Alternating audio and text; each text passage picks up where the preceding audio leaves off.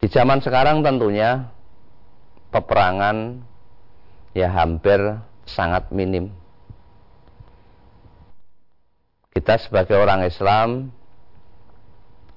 yang kita perangi sekarang mayoritas adalah perang terhadap hawa nafsu kita. Perang terhadap keinginan-keinginan kita yang ditunggangi oleh setan yang akan menjerumuskan manusia ke jurang kebinasaan. Diperintahkan supaya fast butuh, ya. berpegang teguh, bertetap hati.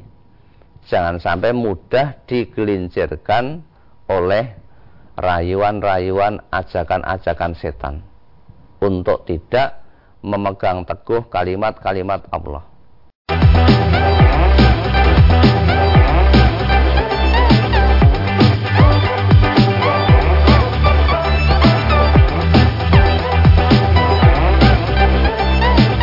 Assalamualaikum warahmatullahi wabarakatuh. Saudara pemirsa channel terpilih MTA TV di mana pun Anda berada Puji syukur Alhamdulillah Senantiasa kita panjatkan kehadirat ilahi Robbi Allah Subhanahu Wa Taala Atas kenap karunia nikmat dan juga rahmatnya untuk kita semua Di perjumpaan awal aktivitas pagi hari ini.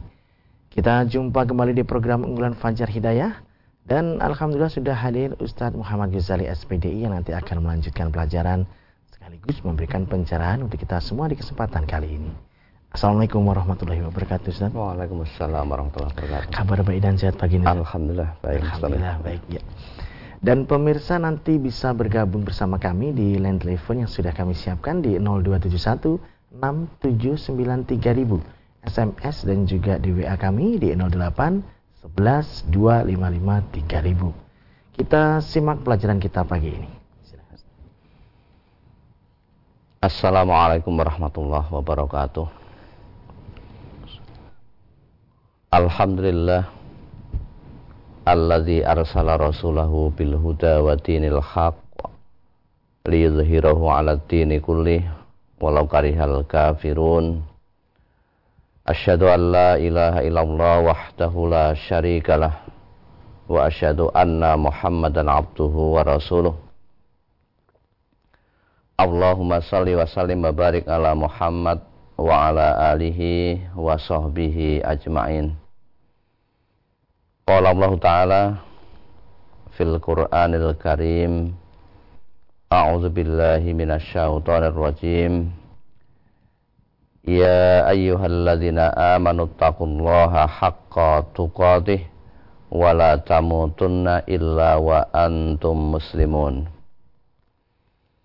Wa qala fi ayatin ukhra ya ayyuhalladzina amanu taqullaha wal tanzur nafsum ma qaddamat lighad wattaqullah innallaha khabirum bima ta'malun.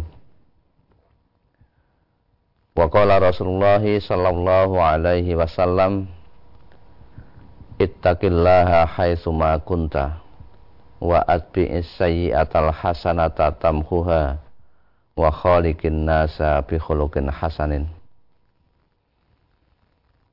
Alhamdulillah senantiasa selalu kita bersyukur terhadap nikmat yang begitu banyak yang telah dianugerahkan oleh Allah kepada kita sampai Allah berfirman fabi ayyi ala rabbikuma tukadziban maka nikmat Tuhanmu yang manakah yang akan kamu dustakan, yang tidak kamu syukuri. Tentunya setelah kita mendapatkan anugerah, mendapatkan nikmat yang begitu banyak, kita harus pandai-pandai untuk menggunakan nikmat tersebut sesuai dengan apa yang telah ditetapkan oleh Allah Subhanahu wa taala. Itu apa yang menjadi perintahnya harus kita kerjakan dengan sungguh-sungguh. Kita kerjakan dengan maksimal. Sebaliknya apa yang menjadi larangannya hal-hal yang menyebabkan Allah benci dan murka itu harus kita jauhi sejauh-jauhnya.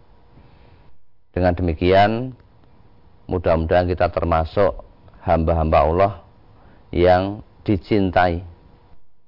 Hamba-hamba Allah yang mendapatkan janji akan dimasukkan ke dalam surga yang luasnya seluas langit dan bumi. Itu khusus disediakan bagi orang-orang yang bertakwa dengan takwa yang hakka tukotih dengan takwa yang sesungguhnya. Takwa yang maksimal. Selanjutnya para pemirsa MTA TV dan juga para pendengar radio Persada FM dan juga radio yang dalam jaringan. Pada pagi hari ini kita akan mempelajari ayat Allah di surat Al-Anfal surat ke-8 ayat 46 kita diperintahkan oleh Allah supaya wa Allah wa rasulahu wa la tanaza'u fatafshalu wa tadhhabari hukum wasbiru Innallaha ma'as sabirin. Kita diperintahkan untuk taat kepada Allah. Setelah yang dipanggil ini adalah orang-orang yang beriman. Tentunya ini juga ada kaitannya dengan surat Al-Anfal ayat 45 ya. Yang dipanggil siapa? sehingga bisa nyambung ya ayyuhalladzina amanu wahai orang-orang yang beriman dipanggil oleh Allah kita disuruh untuk memperhatikan mendengarkan karena setelah nada panggilan akan ada berupa perintah atau larangan yang harus ditaati bagi orang-orang yang beriman. Perintahnya apa? Iza laki tumfi'atang fasbutu wazkurullaha kasiran la'allakum tuflihun. Apabila kamu memerangi pasukan atau musuh atau bertemu dengan pasukan, bertemu dengan musuh. Ada perintah fasbutu supaya bertetap hati, hatinya teguh, tidak gentar menghadapi musuh. Mentalnya, nyalinya menjadi ciut, padahal dalam rangka untuk menegakkan kalimat-kalimat Allah. Di zaman sekarang tentunya peperangan ya hampir sangat minim. Kita sebagai orang Islam yang kita perangi sekarang mayoritas adalah perang terhadap hawa nafsu kita. Perang terhadap keinginan-keinginan kita yang ditunggangi oleh setan yang akan menjerumuskan manusia ke jurang kebinasaan diperintahkan supaya butuh ya. berpegang teguh bertetap hati. Jangan sampai mudah digelincirkan oleh rayuan-rayuan ajakan-ajakan setan. Untuk tidak memegang teguh kalimat-kalimat Allah. Kalau kita menilai kepada sejarah Nabi diutus oleh Allah menjadi rasul, menjadi utusan atau ditetapkan sebagai nabi membawa kabar berita dari Allah ya. Ketika beliau berdakwah menyampaikan kalimat-kalimat Allah, ada orang-orang yang tidak suka, ada orang-orang yang pengen menghambat ditawari dengan berbagai kemegahan-kemegahan dunia. Dimulai dari harta, akan diberikan harta yang banyak oleh orang-orang kafir. Di samping itu ditambah dengan diberikan tahta, kekuasaan, menjadi penguasa orang yang berpengaruh di suatu wilayah. Masih ditambah lagi bonus akan diberikan wanita untuk menurutkan hawa nafsunya. Tetapi semua itu tetap Nabi sebagai utusan tidak berbelok arah karena Nabi diutus untuk menyampaikan. Menyampaikan risalah, menyampaikan kalimat-kalimat Allah supaya menyebar kepada manusia. Maka diperintahkan fasbutu, ya, bertetap hati, ya, berteguh hati. Di samping itu juga jangan mengandalkan kekuatan fisik, tetapi juga harus kita bersandar. Bersandar kepada Allah. Bergantung kepada Allah dengan cara apa? Wazkurullah. Ya. dan ingatlah sebutlah nama Allah. Ingatlah di dalam hati bahwa Allah itu maha pemberi pertolongan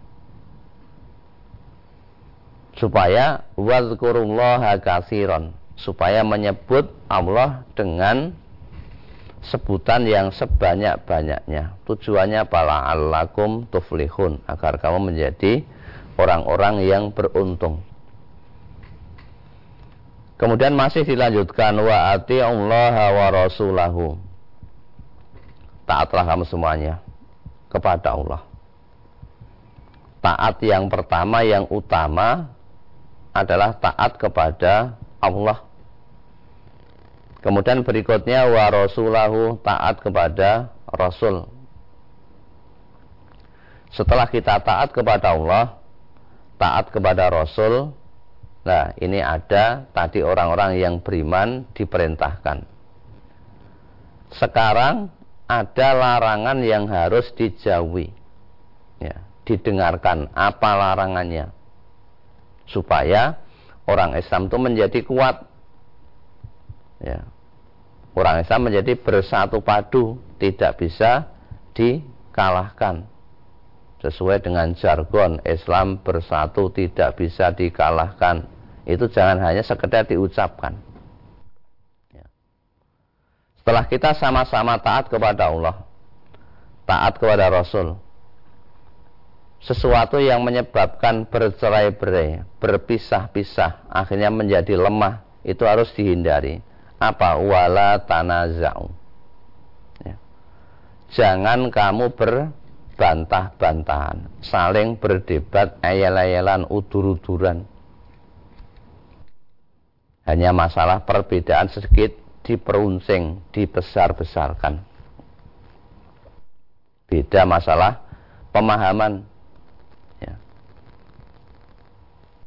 Yang beda ini jangan dipaksakan untuk disama-samakan. Kalau sudah beda ya sudah, saling menghargai, saling menghormati, bukan saling menyerang, bukan saling berdebat.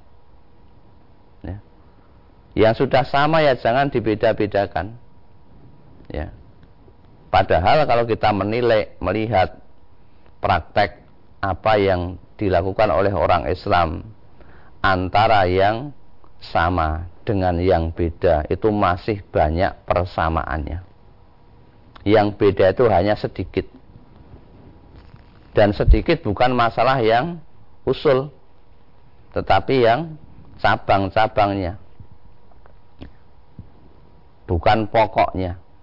Kalau pokoknya semuanya sama kebanyakan. Ini sesuatu yang beda, jangan diperuncing Beda pendapat boleh. Ya. Tetapi jangan sampai memutuskan tali silaturahim. Kenapa ini dilarang? Kalau kita sering berbantah-bantahan, di mana saja kita berada, termasuk di dalam bulan haji. Ya.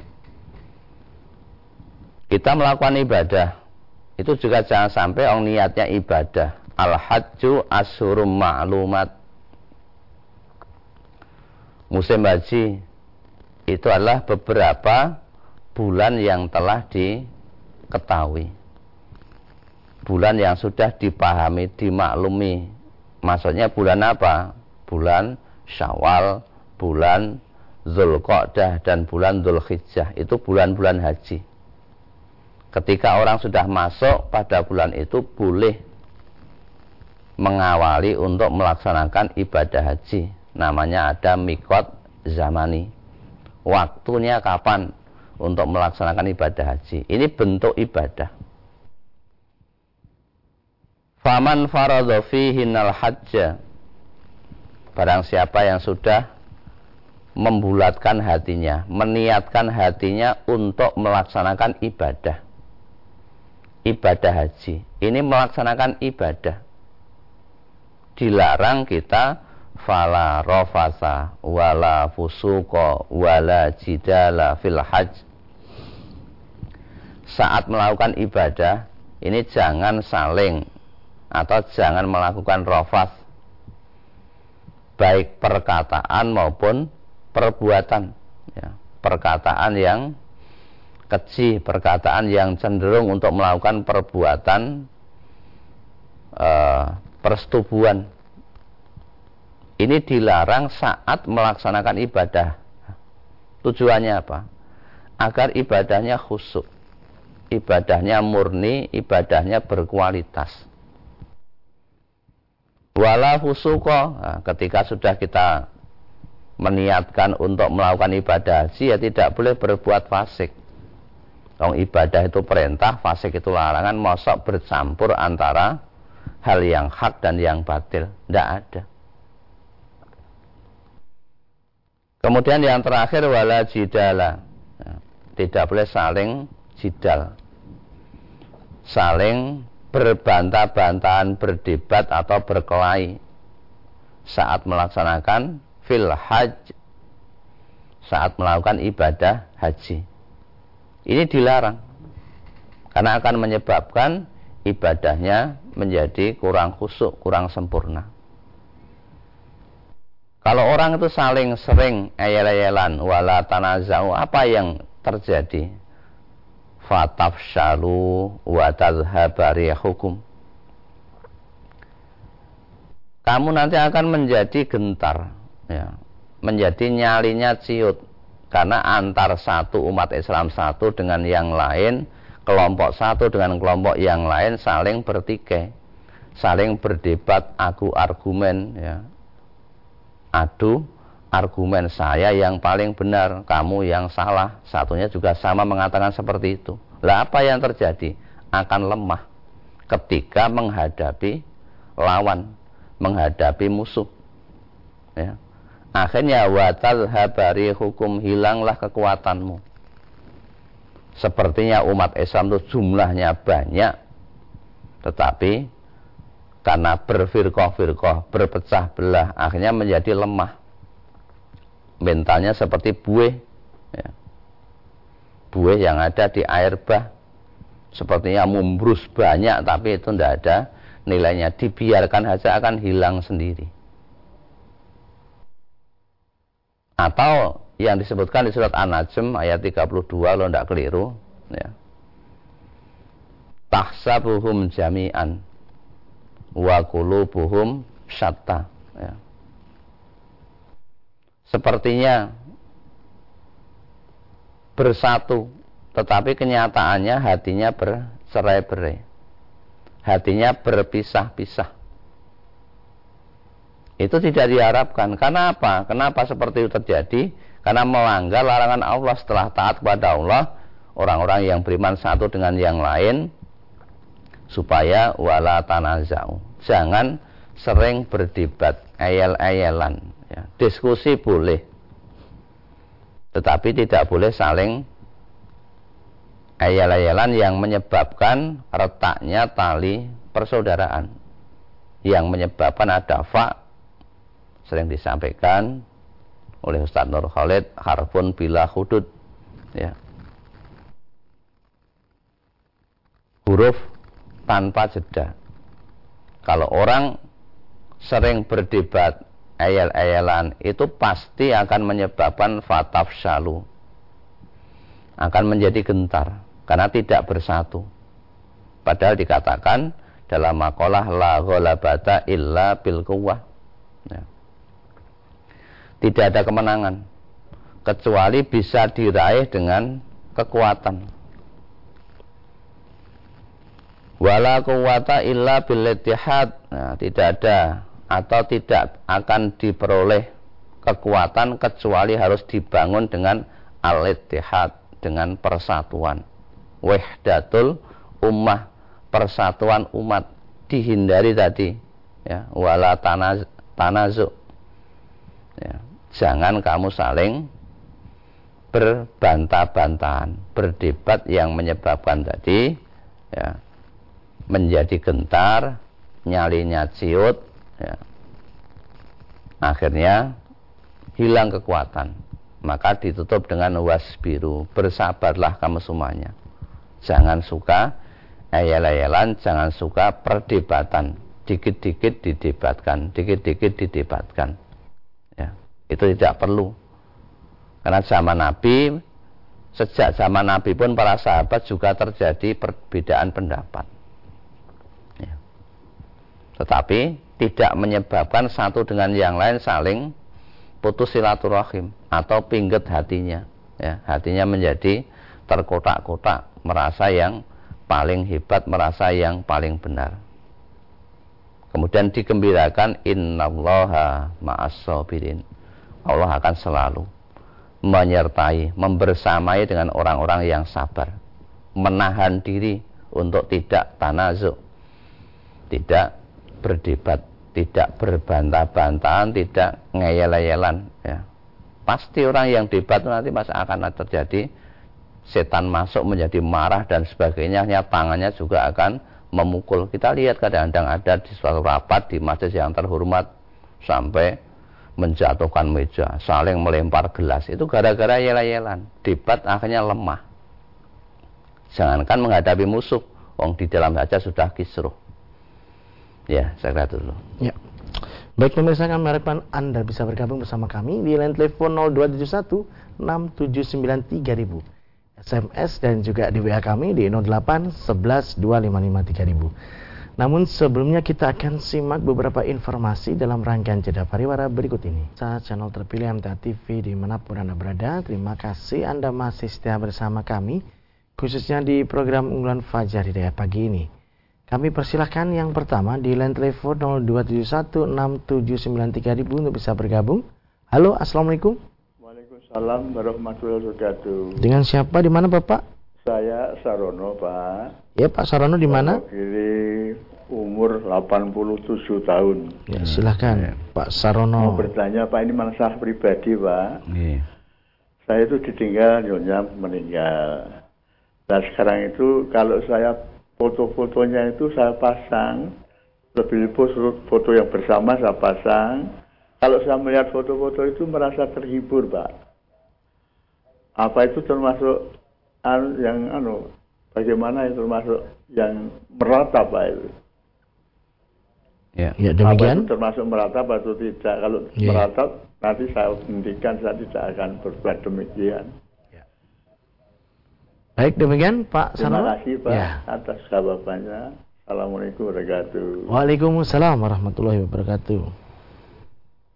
Yang dimaksud dengan meratap atau dalam bahasa agama namanya niyahah itu adalah orang yang sedih tetapi sudah keterlaluan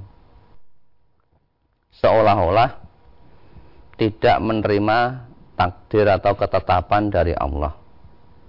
Misalnya ada keluarganya, istrinya, anaknya dipanggil oleh Allah, kemudian saking sedihnya dia merobek-robek pakaian, menampar-nampar muka, teriak-teriak, itu namanya niyahah. Ini kan beda yang dilakukan Bapak tadi yang ada di Pak Saronong ya dari Wonogiri ya. ya. Itu memajang foto foto di dinding untuk melihat kenangan-kenangan masa lalu, kemudian menjadi terhibur karena mungkin sekarang sendiri atau mungkin masih bersama dengan anak-anak umurnya tadi sudah 87 tahun. Insya Allah itu tidak termasuk bagian dari meratap atau niyahah tadi. Hanya melihat album-album kenangan dulu pernah seperti ini bersama istri. Ya akhirnya terhibur nah, niyahah tadi itu malah sebaliknya ya.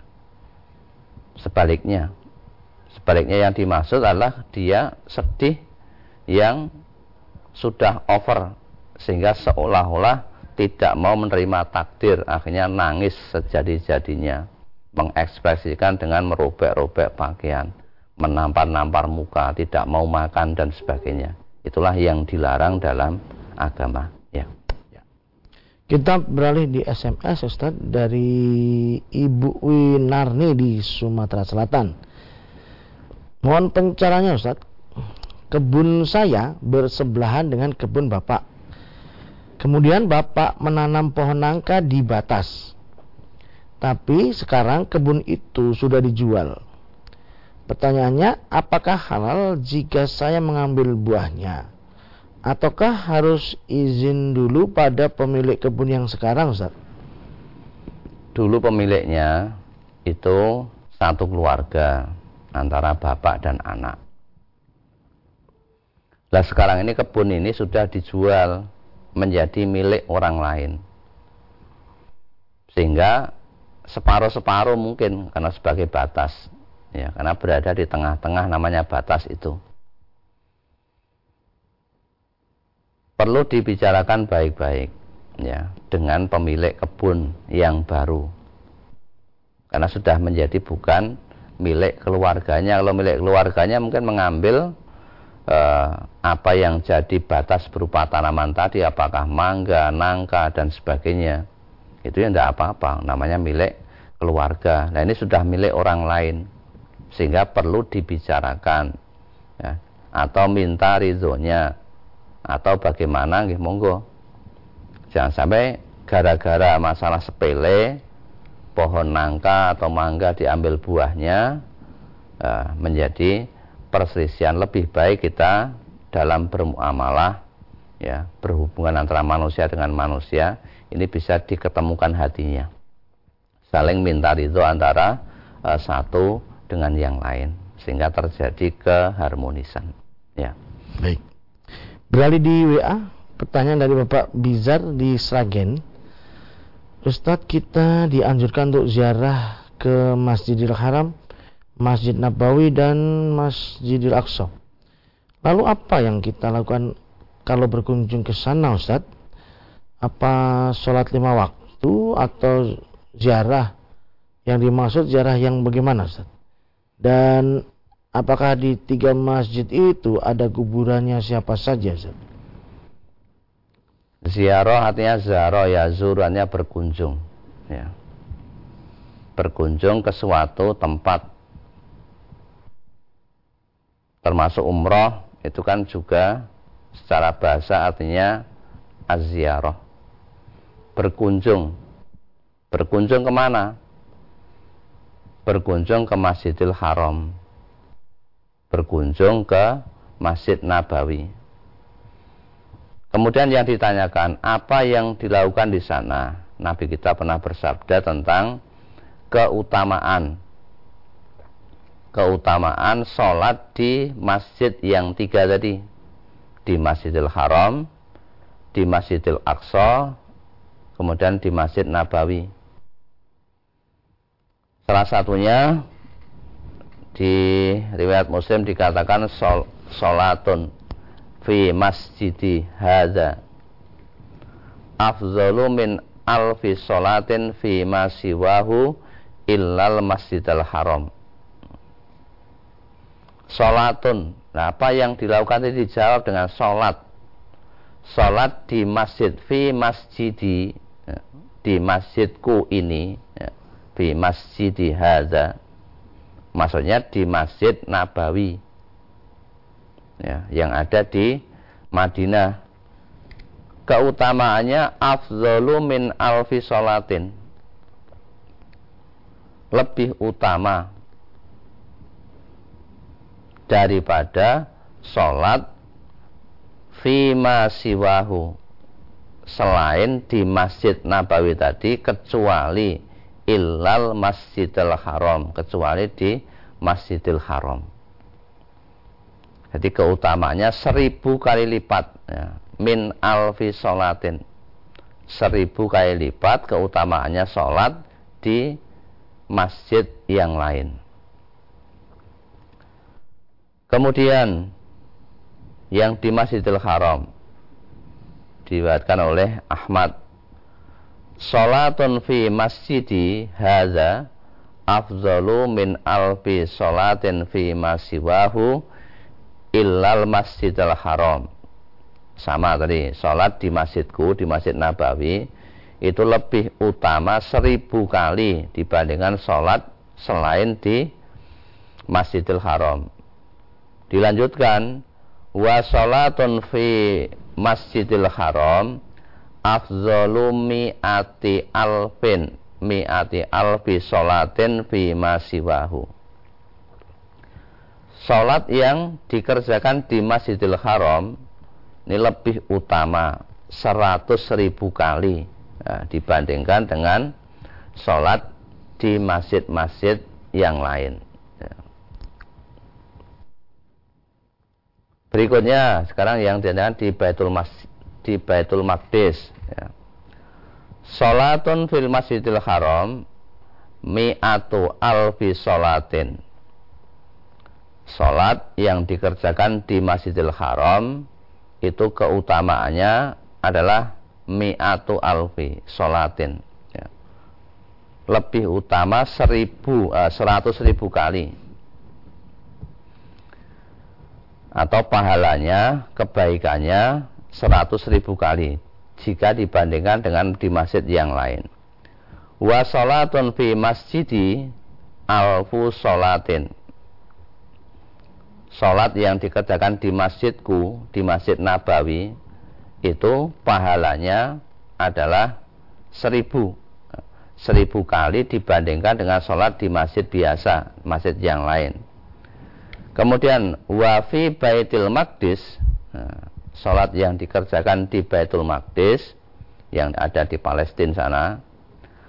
Khomsumi'ati sholatin ya, 500 kali lebih baik dibandingkan dengan sholat di masjid yang lain. Ini yang dikerjakan apa? sholat ibadah kepada Allah zikir di situ. Nanti ada kebaikan yang sudah disebutkan oleh uh, Nabi dalam sabdanya. Ya. Ya masih ada kesempatan Ustaz, satu lagi. Ya. Dari Bapak Jasman di Semarang. Apa yang masuk surga dari golongan kaum Nasrani dan Yahudi itu yang murni mengikuti ajaran Nabi-Nya Ustaz?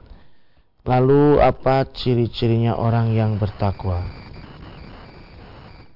Ya, orang yang taat kepada Allah, taat kepada Rasul, dan melaksanakan yang dimaksud taat yang melaksanakan apa yang menjadi perintah-perintahnya larangan-larangannya.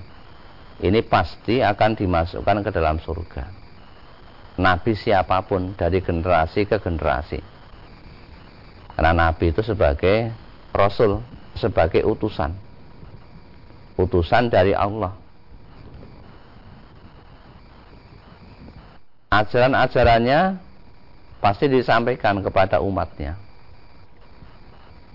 Umat yang mentaati faman ani dakhalal jannah. Siapa yang mentaati nabinya ya. Apakah itu Nabi Adam, Nabi Nuh, Nabi Ibrahim, Nabi Musa, Nabi Isa dan 25 nabi yang disebutkan tadi itu kan pada generasi yang banyak yang berbeda. Ya. itu dakhalal jannah masuk surga.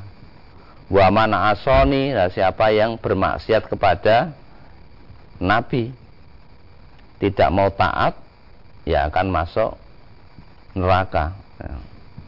fakot aba enggan untuk tidak mau masuk surga. Berarti kan sebaliknya masuk neraka. Itu nabi siapa pun dari generasi ke generasi. Ya. Ya masih ada kesempatan di line telepon. Halo, assalamualaikum. Halo, assalamualaikum. Halo, Assalamualaikum. Salam. Waalaikumsalam. Ya, agak keras sedikit. Dengan Bapak siapa di mana?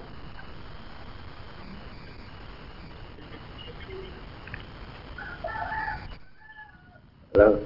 Ya, silakan Bapak. Iya, dengan Bapak siapa ini? Assalamualaikum. Waalaikumsalam warahmatullahi wabarakatuh. Pak Wasino di Pekanbaru. Di Pekanbaru. Dari Pekanbaru Pak siapa tadi? Pak Wasino. Pak Waseno, silakan. Assalamualaikum Pak Ustaz. Waalaikumsalam warahmatullahi wabarakatuh. Silakan Bapak. Ini kan kalau kita beriman pasti ada gurunya. Kalau kita yang melihat di TV, melihat bapak gini uh, belajar melalui TV itu udah sudah langsung na, na, apa sudah disebut belajar pak kita aja. Iya. Ya. Assalamualaikum warahmatullahi wabarakatuh. Waalaikumsalam warahmatullahi wabarakatuh. Ya, tentang masalah belajar. Ya. Belajar itu dari mana saja bisa. Ya. Yang penting apa yang diajarkan itu harus kalau berupa syariat agama harus bersumber dari Al-Quran dan dari As-Sunnah atau dari Nabi. Apakah melalui tatap muka langsung? Maksudnya di tempat itu ada orangnya atau langsung di TV seperti ini. Tadi bisa ada surat Al-Anfal ayat 45, 46 atau mungkin lewat e, internet apakah YouTube dan sebagainya atau mungkin lewat tulisan. Itu semuanya namanya belajar ya. At-ta'allum. Dari mana saja boleh. Yang penting sumbernya yang tidak boleh lepas. Ya. Yang dimaksud keutamaan-keutamaan ya. dalam tadi makolah tadi. La ghalabata illa bil quwwah wa la quwwata illa bil ittihad wa la ittihada illa bil fadhail wa la illa bid din wa la dina illa ma wafaqa al kitab wa sunnah. Tidak ada agama yang terakhir. Waladina tidak ada agama kecuali apa yang sesuai ma wafaqal kitab wa sunnah. Sesuai dengan Alkitab yang dimaksud adalah Al-Quran dan As-Sunnah. Itu sumbernya di situ merujuknya. Baik melalui ketemu langsung di salah satu majelis atau di TV live atau tidak live atau di YouTube yang sudah ada rekamannya atau mungkin lewat buku itu juga bisa dimaksud dengan belajar ya. sehingga di mana saja kita bisa mendapatkan ilmu di zaman sekarang ini kalau zaman Nabi kan harus ketemu dengan Nabi ya. nah sekarang sumbernya banyak tapi yang dimaksud taklim yang dalam satu majlis ya tentunya hadir hadir bersama-sama di majelis itu.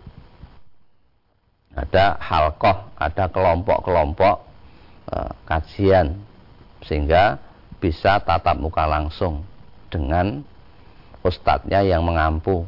Kalau tidak paham, langsung bisa ditanyakan sehingga pemahamannya tidak keliru. Memahami sendiri, itu kan menjadi sesat nanti. Ya, jadi kalau mau belajar memang dari mana saja bisa. Ya, tadi. Ya. Baik Ustaz, kami sampaikan terima kasih atas ya. pelajarannya Ustaz. Assalamualaikum warahmatullahi wabarakatuh. Waalaikumsalam warahmatullahi wabarakatuh. Baik saudara pemirsa channel terpilih MTA TV di mana pun Anda berada Demikian tadi telah kita simak dan ikuti bersama program unggulan Fajar Hidayah pagi ini Kita jumpa kembali di kesempatan mendatang dan saya Tommy Al-Fatani pamit undur Alhamdulillahirrahmanirrahim Subhanakallahumma wa bihamdika Asyhadu an la ilaha illa anta astaghfiruka wa Assalamualaikum warahmatullahi wabarakatuh.